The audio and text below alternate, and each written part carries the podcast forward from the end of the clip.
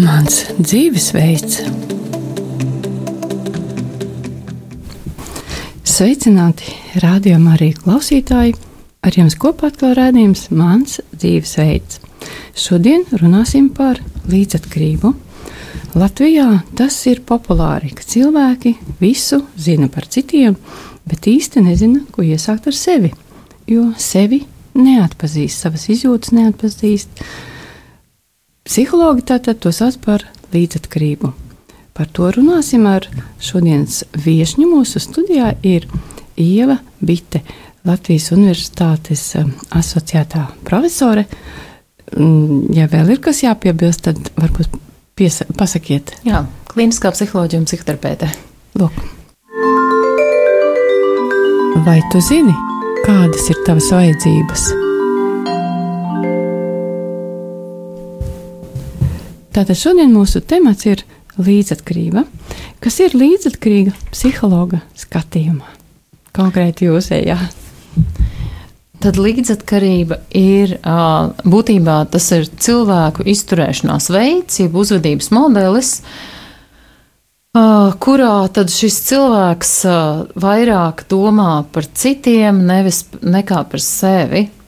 Um, tas būtībā ir tas, kas to visvairāk raksturo pamatā. Vai to var uzskatīt par optimālu, teiksim, ka, ka viņam jādomā nevis par citiem, bet par sevi? Pirmkārt, protams, mēs visi domājam par sevi. bet eh, īstenībā ir kādi teiksim, cilvēki, kas saka, domāt par sevi ir egoistiski. Vai tiešām tas ir egoistiski domāt par sevi un uzņemties patiesībā manā izpratnē par savām vajadzībām? Uzņemties mm atbildību, mm bet mm kā jūs to redzat? Mm -hmm. Protams, pirmkārt, mums ir jāuzņemas atbildība pašiem par sevi. Līdz ar to mums arī ir vispirms jādomā par sevi, par to, ko mums, par to, ko mēs vēlamies, par to, ko mēs jūtam, par to, ko mēs darām. Līdzskarīgais cilvēks domā par to, ko domā otrs, ko dara otrs un Kā ko jūtās, grib otrs. Jā. jā. Un vēl viņš ne tikai domā, bet e, iespējams arī, arī mēģina apmierināt tās otra vajadzības. Pareizi, jā. Tā kā viņš noliek malā savas vajadzības, un viņš domā par otru cilvēku vajadzībām. Un te viņa do, e, galvā, viņa domās pašam nav vietas. Jā, un viņam tas tipiski liekas pareizi. Mm -hmm. Ka ir jādomā par otru pirmkārt. Bet tā nav taisnība. Un kā ir taisnība? Taisnība ir, ka mēs esam, ka mums ir svarīgākais domāt pašiem par sevi pirmkārt. Tā kā mūsu, jo mums ir mūsu emocijas, mūsu vajadzības, mūsu rīcība. Un tas ir tas, kas ir būtiskākais. Kas saistās ar atbildīgu tādu attieksmi pret sevi. Mm -hmm. Un ja man nav fokusa, teiksim, vai kontakta ar sevi, Jā. es nemaz nezinu, kā es jūtos, ko man gribas, kas Jā. man vajadzīgs. Tieši tā. Mm. Un tas sauc par bezatbildību? Um. um, nu, man negribās kritizēt. Es domāju, tas, tas izklausās kritizējoši, saukt to par bezatbildību, bet nu, kaut kādā mērā tas, protams, tā ir. Jo tas, kas ir raksturīgs cilvēkiem, kur ir līdzkarīgi viņiem, uh, viņi tiešām ir pārliecināti, ka viņi zina labāk par otru. Bet tas atkal ir, uh, nu, tā atkal ir tāda atbildības uzņemšanās par otru, kura ir. Uh, nu, kura nav patiesa, jo mēs īstenībā nekad nevaram zināt līdz galam, kas ir tas, kas ir vajadzīgs otram. Un, un šis līdzkrīgais cilvēks, viņš domā, ka viņš zina. Mm -hmm. Un tā ir problēma. Viņam un apkārtējiem. Absolūti, jā. Mm -hmm. Sakiet, lūdzu, no kurienes tāda, tāda, nu, tāda attieksme vai tās domāšanas veids rodās, no kurienes tas nāk? ja tas ir neveselīgi, bet nu, apkārt ir pietiekami dzil, daudz cilvēku, kas nu, domā, ka tas ir viss kārtībā. Nu, vai tas ir, nu, kurienes tas nāk? Nu, mūsu katra individuāla kādas pieredze, vai tas ir mūsu sabiedrībā kādas vērtības to nosaka? Kas ir tā pamatā? Hmm, šis atkal, protams, nav tik vienkārši. Tā kā viena lieta, kas noteikti ir pamatā, ir mūsu bērnības pieredze. Tā kā klasiski cilvēki, kuriem ir šīs līdzskrīgās iezīmes, viņiem ir nu, viņu bērnības pieredzē. Ir uh, kaut kādā ziņā nerūpēšanās par viņiem vai viņu vajadzību neievērošana. Tā kā viņu vecāki nav par viņiem pietiekami parūpējušies, un līdz ar to viņi nav iemācījušies parūpēties paši par sevi. Viņu vecāki nav pievērsuši uzmanību viņu emocionālām vajadzībām, viņu fiziskām vajadzībām reizēm. Viņu, viņu, viņu domām, viņu, viņu uzvedībai, visam, visam, kam ir jāpievērš uzmanība bērniem. Viņu vecāki nav to viņiem ietuvuši. Līdz ar to viņi to neprot arī dot paši sev. Otrs ir, protams, arī, arī kā, kaut kāda kļūmi, kļūmīga izpratne par vērtībām kas cilvēkiem arī var, var, nu, var būt radusies dažādu iemeslu dēļ. Tā tikpat labi var būt audzināšana skolā vai, vai, vai, vai kaut kāda plašāka vide, kurā viņš aug, kurā viņ, vienkārši viņam ir, ir, ir iedota kļūdaina izpratne par to, kas ir vajadzīgs. Un trešais ir viņa pašreizējā dzīves situācija. Jo principā ļoti bieži nu, kā, līdzskrība tomēr saista arī ar atkarību. Līdzskrīgi cilvēki ļoti bieži dzīvo kopā ar cilvēkiem, kuriem ir atkarības, alkohola atkarība, narkotika atkarība, azartspēļu atkarība, jeb kāda cita atkarība. Un, un, un arī šī atkarība pati par sevi ir kaut kas, kas nozīmē, ka tas cilvēks, kuram ir atkarība, viņš neuzņems atbildību. Un viņš to atbildību ļoti labprāt pārvirza uz to cilvēku, kurš to atbildību uzņemās. Un līdz ar to tā esošā dzīve kopā ar cilvēku, kurš neuzņemās atbildību, arī ierauj tajā līdzskrības modelī iekšā. Mm -hmm, viņš tā kā provocē tas cilvēks, kurš Protams. ir blakus, jā. Eh, kurš nespēja sevi tikt galā. Jā. Viņš tā kā provocē to cilvēku, kur jau ir jau iepriekšēja pieredze, šī tā nezināšana, ka man ir jābūt atbildīgam par sevi pirmkārt. Jā.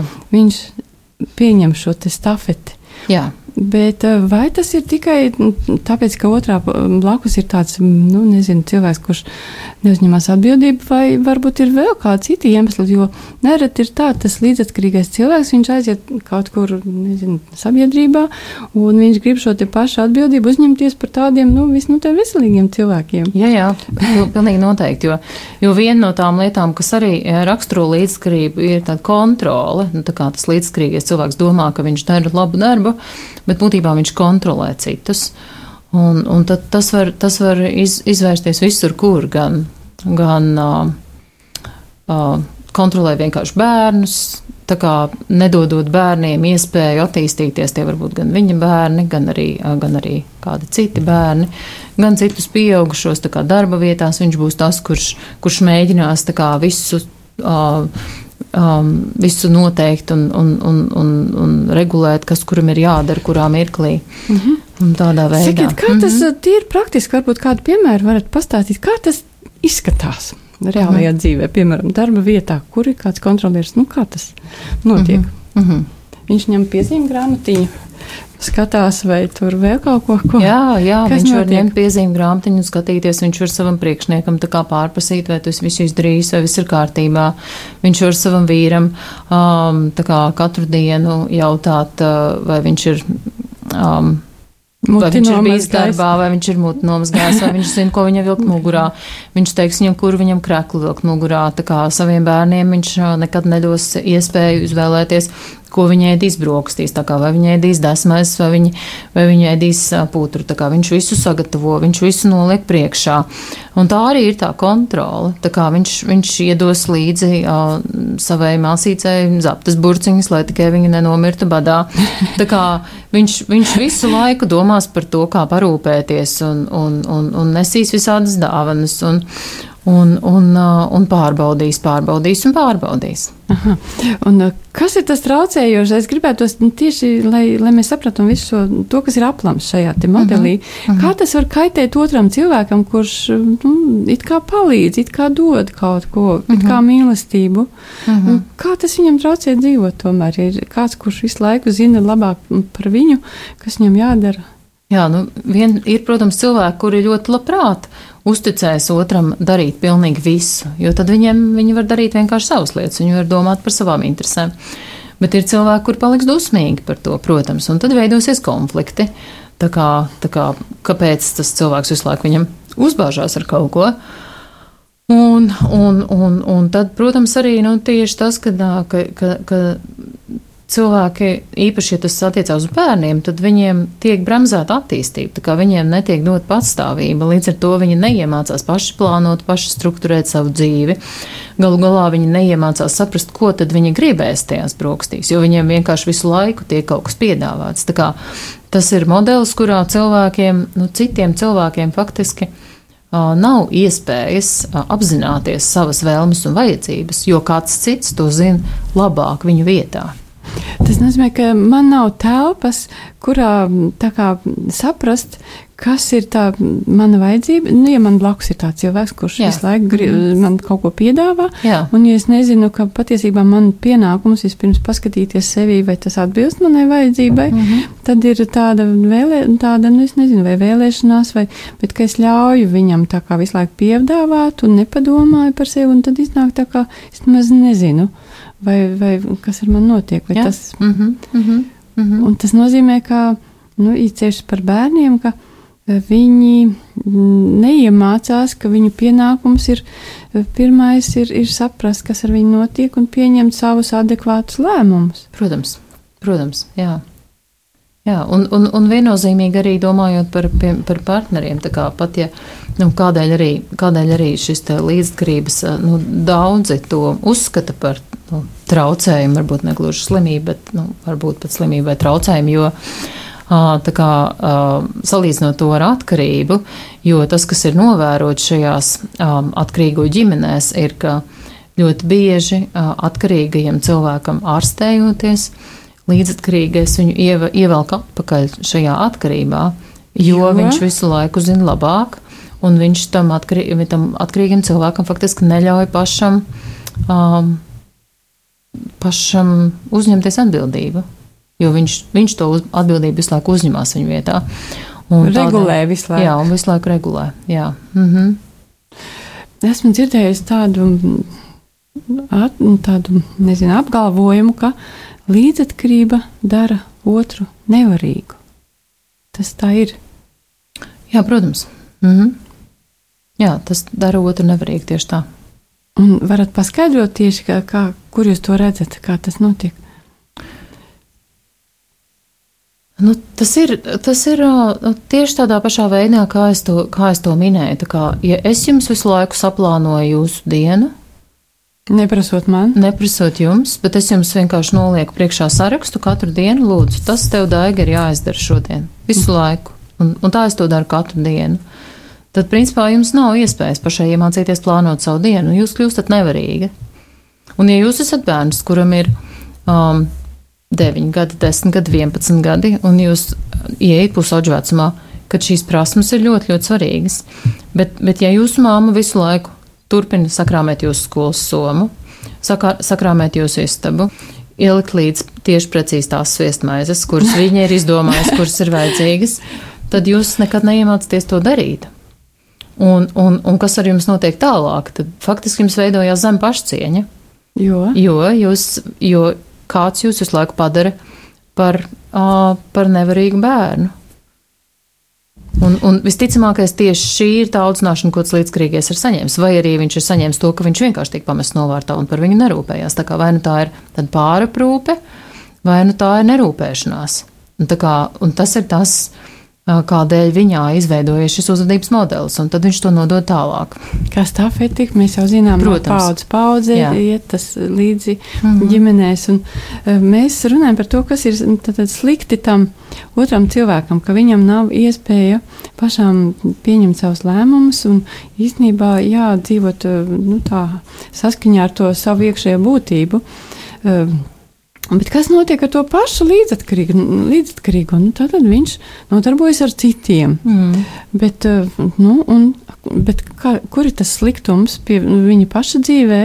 Ko viņš ar to zaudē? Vai, nu, kur, kur tā destrukcija darbojas viņa, viņa gadījumā? Nu, pārsvarā, pārsvarā šie cilvēki ir, ir dziļi nelaimīgi. Viņiem bieži vien ir depresija, viņiem ir ļoti izteiktas uh, problēmas ar trauksmi. Uh, jo viņiem ir ļoti daudz jāuztraucās par, par citiem, jo, mm. jo viņiem visu laiku, jo viņi nevar kontrolēt, jo citi tomēr ir un paliek citi. Un, un viņiem uh, vajag, lai justos droši, viņiem ir jākontrolē, bet tas nav iespējams. Līdz ar to viņiem ir ļoti daudz trauksmes, un viņi jūtās nomākti. Un bieži vien ļoti dusmīgi arī šī paša iemesla dēļ, ka citi tomēr izdara beigās tā, kā viņiem gribās. Ka tā pasaule nevar viņu sakārtot pēc savu prātu. Jā, jā īsti neļaujās. Mm, jā, tieši tā. Un viņi neapzinās to, kas viņiem pašiem ir vajadzīgs. Tā kā savas, savas emocijas viņi apspiež, un līdz ar to viņi nejūt to, kas viņiem ir vajadzīgs. Tā kā, jo emocijas ir kaut kas, kas mums pasaka, kā, ja es baidos, man vajag drošību, ja es dusmojos, man vajag kaut kādas robežas nolikt. Kā emocijas mums pasaka, ko mums vajag. Un, ja, ja es nejūtu emocijas, tad es nejūtu arī to, arī savas vajadzības. Mm -hmm. Un, ja es nejūtu savas vajadzības, tad es būšu nelaimīgs, jo es nezinu, ko es gribu. Jo manas vajadzības netiek apmierinātas. Jā, jā.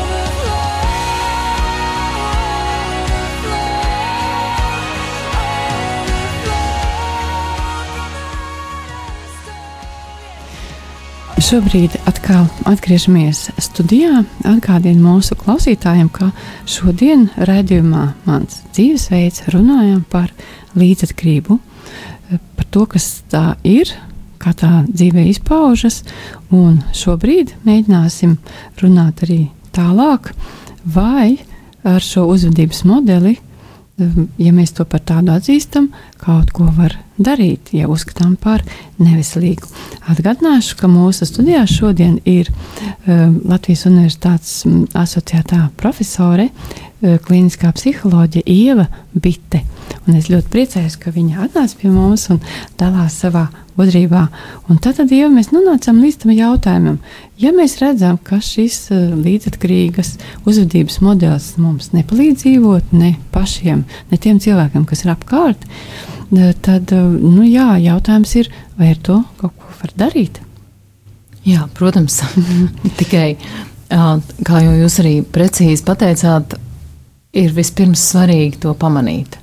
Tā kā vispirms ir svarīgi pamanīt, ka, ja es jūtos nelaimīga un ja citi nedara tā, kā es gribu, ka varbūt problēma ir manī un ka varbūt man ir kaut kas jāmaina, nevis tiem citiem.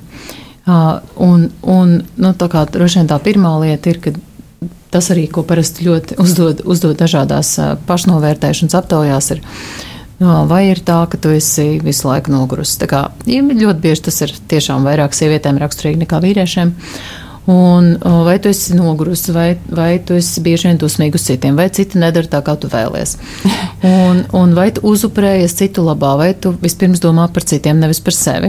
Un, un ja šī atbilde ir jā, tā kā ja es vispirms, ja man ir tendence vispirms domāt par sevi, par citiem un parūpēties tikai par citiem un sevi nolikt pilnībā malā, tā kā sev neveltīt laiku, tad tas ir pirmais signāls, kad ir kaut kas jāmaina, ka ir tik svarīgi veltīt sev laiku atļaut sev just emocijas, tā kā nevis viņas apspiest. Mhm. Un, un pārdomāt, kā varbūt patiešām tie citi var izdarīt to, kas viņiem ir jādara, kad nav jādara viņu vietā lietas.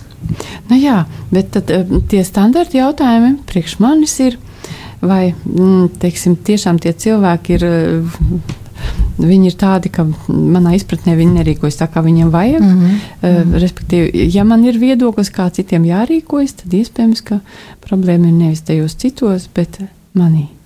Jā, ļoti bieži tas tā ir. Protams, e, pastāv arī, arī gadījumi, kuros. Uh, kur tiešām um, līdzskrība attīstās arī tāpēc, ka uh, cilvēkam ir jārūpējas par kādu, kurš pats patiešām nav spējīgs parūpēties. Mhm. Un ļoti bieži tas, uh, tas tādā veidā arī notiek, ka tiešām ir kāds, nu, teiksim, vecs cilvēks, par ko man ir jārūpējās, vai, vai, vai, vai bērns, bērns uh, kurš ir slims, vai, uh, nu, vai teiksim, tiešām kāds psihiski slims cilvēks ģimenē. Un, un, un patiešām ļoti bieži ir situācijas, kurās tās savas vajadzības ir jāatliek malā. Un, Un tomēr ir tik svarīgi viņas nenolikt malā pavisam. Jo, jo, jo tiešām ir, ir situācijas, kurās, kurās mums ir jāuzdod jautājums, vai tas otrs var parūpēties par sevi, vai viņš var to izdarīt vai nevar to izdarīt. Ļoti bieži var, bet ir arī situācijas, kad nevar. Un tad ir ļoti grūti atrast to, atrast to līdzsvaru. Un, un jebkurā arī šajās smagajās situācijās arī tad ir tik svarīgi nepazaudēt sevi, savas emocijas un savas vajadzības. Ja ir tāda situācija, kā jūs sakat, ka patiešām ir tāds cilvēks blakus, par kuru ir jārūpējas vairāk nekā normāli vajadzētu, un, un sevi nevar pazaudēt, tad kā tomēr sabalansēt, kā atrast to līdzsvaru starp to, ka es rūpējos par savām vajadzībām, jo es nerūpēšos, tad vienkārši man nebūs spēka tālāk par to rūpēties. Mm -hmm. un, un, un, un, jā, kā tad uh, nojaukt tās robežas, cik tālu uh, es rūpējos un, un, un kur, kur es tā kā tomēr um, nu, pietiek man to darīt. Mm -hmm. Uh, es domāju, ka viena no, viena no uh, lietām, ko iesaka, ir pavisam vienkārša lieta uh, - atrast laiku sev, uh, savas, savām interesēm, um, savam ārējam izskatam, kā jebkam, kas ir saistīts ar sevi pašu. Kā tas ir ļoti vienkārši ieteikums, bet ļoti, ļoti reizēm grūti ievērojams. Kā, kā praktiski to izdarīt? Mm -hmm. nu, ko, kā tas nozīmē? Ko tas, teiksim, mm -hmm. ikdienā? Praktiski tā var būt pusstunda dienā. Tās var būt divas stundas nedēļā, bet vismaz tas ir ārpus mājas, ārpus mājas dzīves, bērniem, vīriem un, un, un darbiem. Tā kā, Tas nozīmē, tikai, tikai es ar sevi kaut Jā, ko daru. Tikai es ar sevi kaut ko, kas man patīk. Bez klātesošiem, bez Jā. tā, ka uzmanības fokus Jā. ir uz citiem, Pareiz. rūpes, bet, mhm. -huh. bet lai es esmu tātad kaut kādā mhm. -huh. savā nodarbē. Tā, sev. Jā. Tā ir tā ap sev, Jā. ko es kopju. Uh -huh. Jā. Bez citiem, bez televizora, bez mm. radiomobiliem telefoniem. Es domāju, ja tas, ir, ja tas ir kaut kas, ja, ja ir filma, kuras gribu skatīties, kāpēc nē, tas arī var būt laiks sev reizēm. Mm -hmm. Tā kā galvenais ir, lai tas patiktu. Un uh, zināt arī, kā es šajā laikā, kad, kad es esmu. Nu, kaut ko daru ar sevi. Jā, un, un arī ko, es, nu, kā, ko, saprast to, ko es patiešām gribu, lai tas arī būtu kaut kādā ziņā kontaktā ar sevi. Nevis, teiksim, es spēlēju uh, kaut kādu tur. Uh, kārtas liek kompjutorā, kā, kas, kas būs bieži vien tāda aizmiršanās, bet tas cilvēks pēc tam nejutīsies uh, parūpējies par sevi. Viņš jutīsies vienkārši tā kā tukši, aizmirsies un nolicis tāpat nu, savas emocijas kaut kur malā. Kā atšķirt, kur, te, kur ir tā tukšā sevis aizpildīšana ar, li, ar kaut kādām citām lietām? Un, kur... Vienkārši mēģināt pajautāt, ko es gribu. Tā kā viens no pat, pat vingrinājumiem, ko nu, ir dažādi vingrinājumi, ko terapeiti uzdod, uh, uzdod cilvēkiem mājās, bet viens no tādiem vingrinājumiem ir vienkārši pierakstiet katru dienu vai pat katru stundu, kas ir tas, ko jūs patiešām gribiet. Pajautājiet sev, ko jūs gribat izdarīt, kā jūs gribat pavadīt savu brīvo laiku. Tipiski cilvēks neteiks, es gribu vienkārši stundām likt kārtas kompjutorā. Cilvēki tipiski teiks, ka viņi grib, ka viņi grib visādas jaukas lietas, ka viņi grib pastaigāties gar māras dīķi, ka viņi grib ka viņi grib aiziet pie friziera, ka viņi grib, grib uzšūt sev kleitu vai, vai palasīt kādu jauku grāmatu. Un, un, un ja viņš ir visu savu laiku izmantojis vienkārši liekot kārtas kompjutorā, tad viņš parasti nebūs ar to apmierināts. Tā kā apzināties, ko es gribu, ir svarīgi. Tad var uzrakstīt plānu katrai dienai, teiksim, trīs lietas, ko es izdarīšu, labas lietas priekš sevis nedēļas garumā uzrakstīt katru dienu, ko es gribu izdarīt priekš sevis, vai pat vai vienu lietu, arī tas jau būs labi. Un vai, vai vienkārši padomāt, kā ja es gribu dzert tēju, kādu tēju es gribu. Kā, vai es gribu viņu ar cukuru vai bez cukuru, vai viņai būs tāda smarža vai tāda smarža. Tā kā vienkārši pēc iespējas dzīvāk iztēloties, kas ir tas, ko es gribu, ko man vajag. Bet arī saņemt atbildi no savas. No sevis, jā. Bet, bet pirmkārt, fokusēties uz to un jautāt sev to, jo tā ir tā savu vajadzību apzināšanās. Ar to sākās. Bet uh, ir tāda lieta dzirdēt arī, ka tieši psihologi saka, ka Eh, līdzatkarīgiem raksturīgi, ka eh, nu, jā, viņi jautā, ko es gribu, kas mm -hmm. ir man vajadzība, bet patiesībā atbildes arī nav. Ko tad ar to darīt? Mazām lietām, sākt ar mazām lietām. Tā kā ar lielām lietām parasti ir grūti sākt. Ir labāk sākt ar mazām lietām. Tā kā, tā kā ja es zinu, ka es gribu, gribu nezinu, kaut ko garšīgu, tad, tad nevis vienkārši rīt visu pēc kārtas, bet patiešām izdomāt, ja tā ir kūka, ko es gribu, tad kāda viņa ir vienkārši ļautu sev sajust sevi mazās lietās. Sākumā mazās, un pēc tam tikai viņš var domāt par lielākām lietām. Ka, kas vēl varētu būt tāda maza lieta? Nu, jā, kūku, mm -hmm. kādas, nezinu, par attiecībām tas laikam skatās jau liela lieta. um, nu, varbūt, bet uh, varbūt arī nē. Kā varbūt es gribu parunāt ar partneri. Kā, um, Jā, es domāju, attiecības parasti ir lielāka un grūtāka lieta, jo tas tiešām iesaist uzreiz divas puses, un, un vajadzības var arī nesakrist kaut kādā brīdī. Bet, bet, um, bet tas var būt jebkur, kā pat vai seksuālās attiecībās. Atkal padomāt, ko, tad, ko man vajag, nevis tikai domāt par to, kā apmierināt tās otru vēlmes. Mm -hmm. Jo tā lietas būtība ir tāda, ka es īstenībā otram nevaru dot to, kas viņam vajadzīgs, ja es nespēju apmierināt. Nu, yes. Manas vajadzības mm. nav apmierinātas, un es esmu nelaimīgs, kā jūs teicāt, mm un depresīvs un slims mm varbūt. Tieši tāpēc, ka, lai es dotu otram to labāko no sevis, mm tad vispirms man pašam jābūt pietiekami labā formā. Mm -hmm. Tas laikam mm -hmm. to nozīmē. Mm -hmm. Jā, protams. Mm -hmm. un, un, un, es pieļauju, ka nu, jā, kūka tas ir brīnišķīgi, bet vēl jau ir, vēl ir darbs, vēl ir brīvais laiks, ir ģimene. Kā, kā tur atrast to, to, kas ir mans, mana vajadzība? Mm -hmm. Jūs varat kādu mm -hmm. ideju iedot? Es domāju, ļoti bieži tāda emociju apzināšanās arī ļoti palīdz. Kā, um, tas, ko līdzkrīgie cilvēki ļoti bieži izjūt, ir dusmas. Kā Jo viņi, protams, ir dusmīgi, jo tipiski tā situācija nonāks līdz tam, ka patiešām arī ģimenes locekļi jau par viņiem nedomā. Kā, jo viņi ir pieraduši, ka līdzkrīgais domā par visiem citiem. Un par viņu patiešām neviens nedomā. Un tad viņš sāk dusmoties par to, kā tas ir. Nu, kāpēc tu par mani nedomā? Tā kā ne vīrs par mani domā, ne bērni par mani domā, neviens par mani nedomā. Man tikai ir jādomā par visiem citiem. Un šīs dusmas ir uh, arī nu, kaut kāds signāls par to, ka kaut kas nav kārtībā un ka kaut ko man vajag. Un tad mēģināt apzināties, kas tad stāvēs šīm dusmām. Uh, ja gribu, ja man ir ļoti svarīgi, lai par mani parūpējas, kā to pateikt? Tas ir kaut kas, ko es varu pateikt. Tā kā um, savam vīram, tā kā. Nu, ja, piemēram.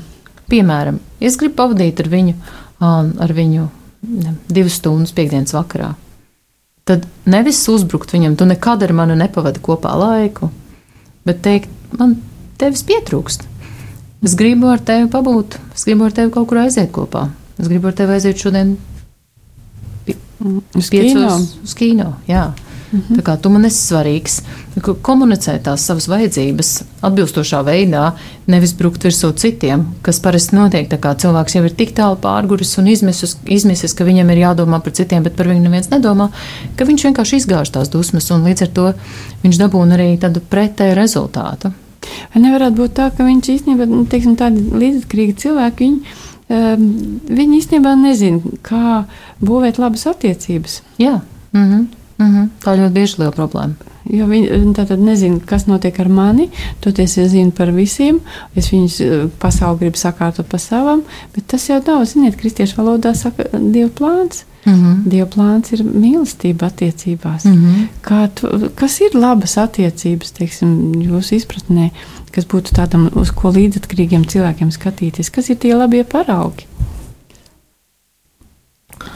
Tas um, modelis varbūt ja varētu paraksturot. Jā, tas veselīgais modelis ir, ka katrs partneris apzinās to, ko viņš jūt, to, ko viņam vajag, un viņš to arī spēj pateikt. Nepārmetot, bet tiešām runāt par savām vajadzībām, runāt par savām emocijām, dalīt atbildību, dalīt pienākumus.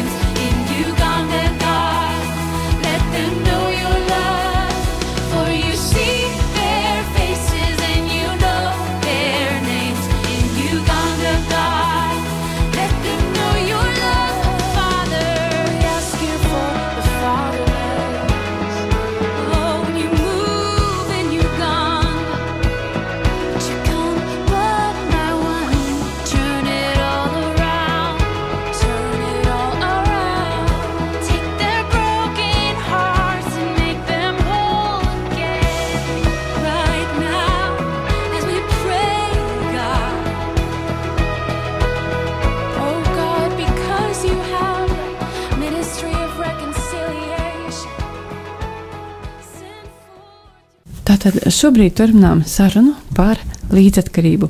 Atgādināšu, mūsu uh, studijā šodien viesojas Latvijas Universitātes asociētā profesore, kliniskā psiholoģe Ieva Bitte, un mēs runājam par līdzatkarību.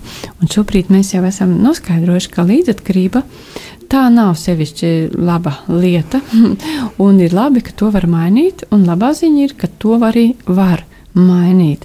Bet uh, cik mēs zinām, tā līdzatkarība tas ir vispirms jāierauga, ka kaut kas nav kārtībā, kā jau jau bija man sacīja.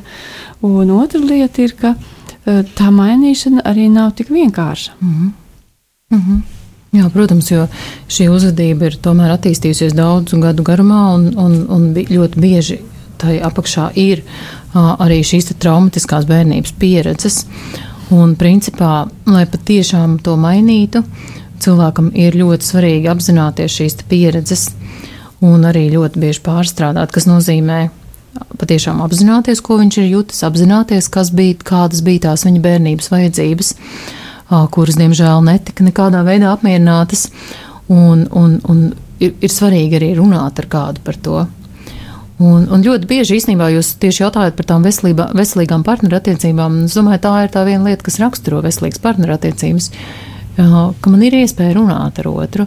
Un, un ļoti bieži ir iespēja runāt arī par tādām sāpīgām pieredzēm, kas man ir. Protams, es nevaru gribēt, lai otrs būtu, otrs būtu mans psihoterapeits vai mans mācītājs, bet, bet, bet ir ļoti svarīgi, lai būtu šī iespēja runāt.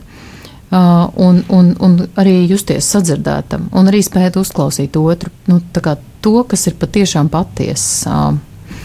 Būtībā tā saruna izskatās tā, ka mēs nosēžamies līdzās un nevis uh, viens otru pārtraucot un padomus mm -hmm. dodot, mm -hmm. runājam, ja, kā mums tagad mm -hmm. turmāk jādzīvo, bet ka mēs dodam vārdu vispirms vienam cilvēkam. Mm -hmm. Es tā esmu mm -hmm. tādu padomu vismaz dzirdējis, ka mm -hmm. ja pāris nespēja klausīties mm -hmm. viens otru, tad kaut vai paņem rokās, es nezinu, kaut ko zīmolu un dod stafeti, mm -hmm. un tām, kuram zīmols rokā, tās drīkst runāt, jā. bet mm -hmm. otram jātur mūts ciet, kamēr zīmols mm -hmm. nenonāk pie viņa viņa. Mm -hmm. un, un šajā laikā, kad ir, man tiek dots mm -hmm. vārds, tad es drīkstu teikt, ko mm -hmm. tieši.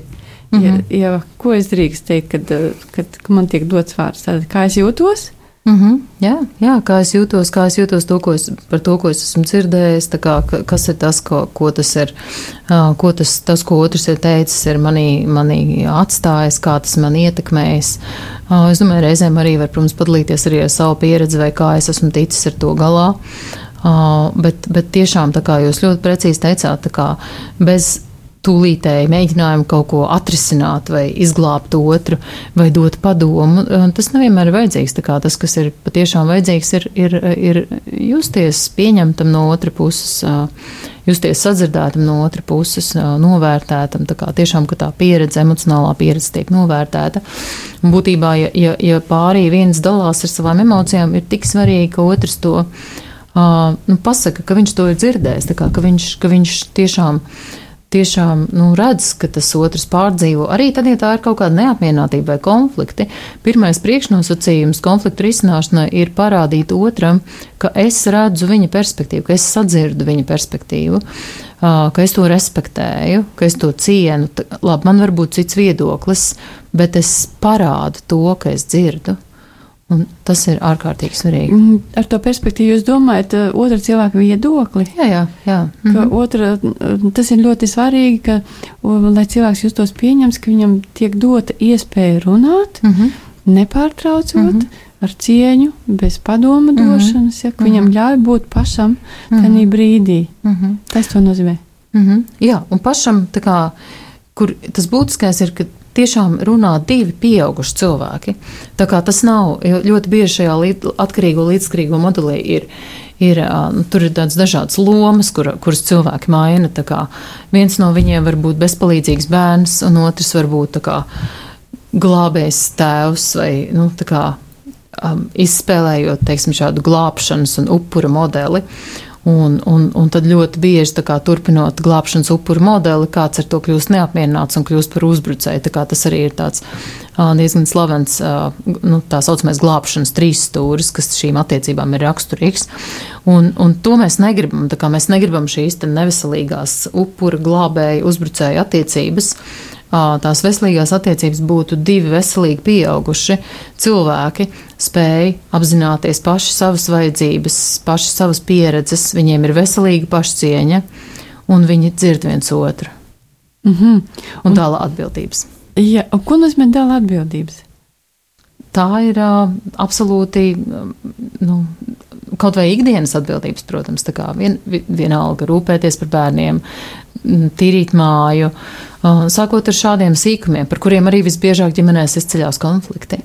Ka tās uh, zeķes, ko tu tur esi nomētājis, pats jā, savāks, nevis man iet. Jā, līdz visbeidzot atbildība pašiem par savām jūtām un, un, un pašiem par savu rīcību. Un, un, un nebrukšana otram virsū, bet, bet arī sa, sava, sava apzināšanās, savas darbības uz, uz apzināšanās. Jo tas, ko ļoti bieži dara līdzkrīgie, ir šis neveselīgais kā es turpinu dusmoties, es reizēm, reizēm uzbruku, vai tad es apvainojos izdaru visu, iztīru visu un gaidu, kad tas otrs to pamanīs. Un kad viņš sapratīs, ka viņš nav to izdarījis. Bet tas ir ļoti neveselīgi, mm. jo otram pat prātā iespējams neien, ne, neienāk, kas notiek. Un, un šīs dusmas viņas kļūst vienkārši tik graujošas attiecībā.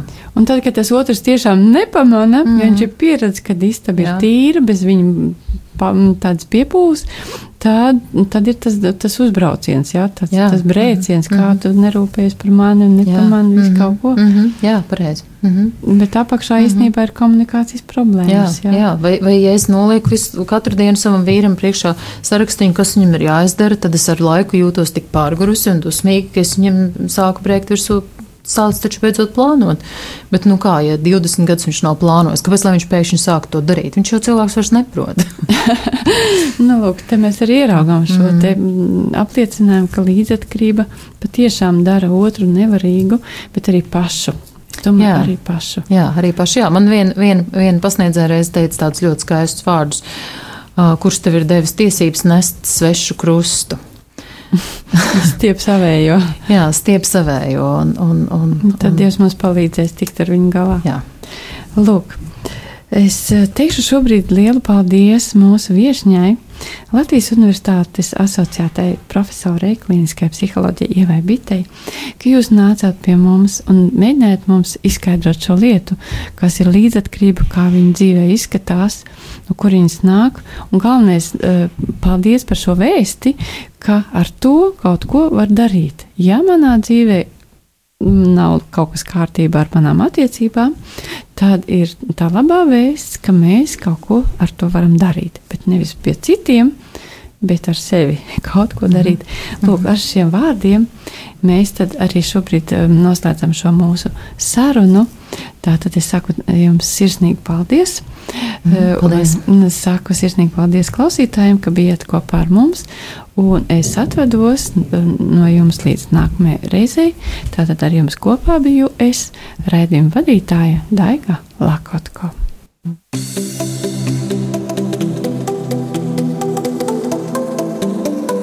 Mans dzīvesveids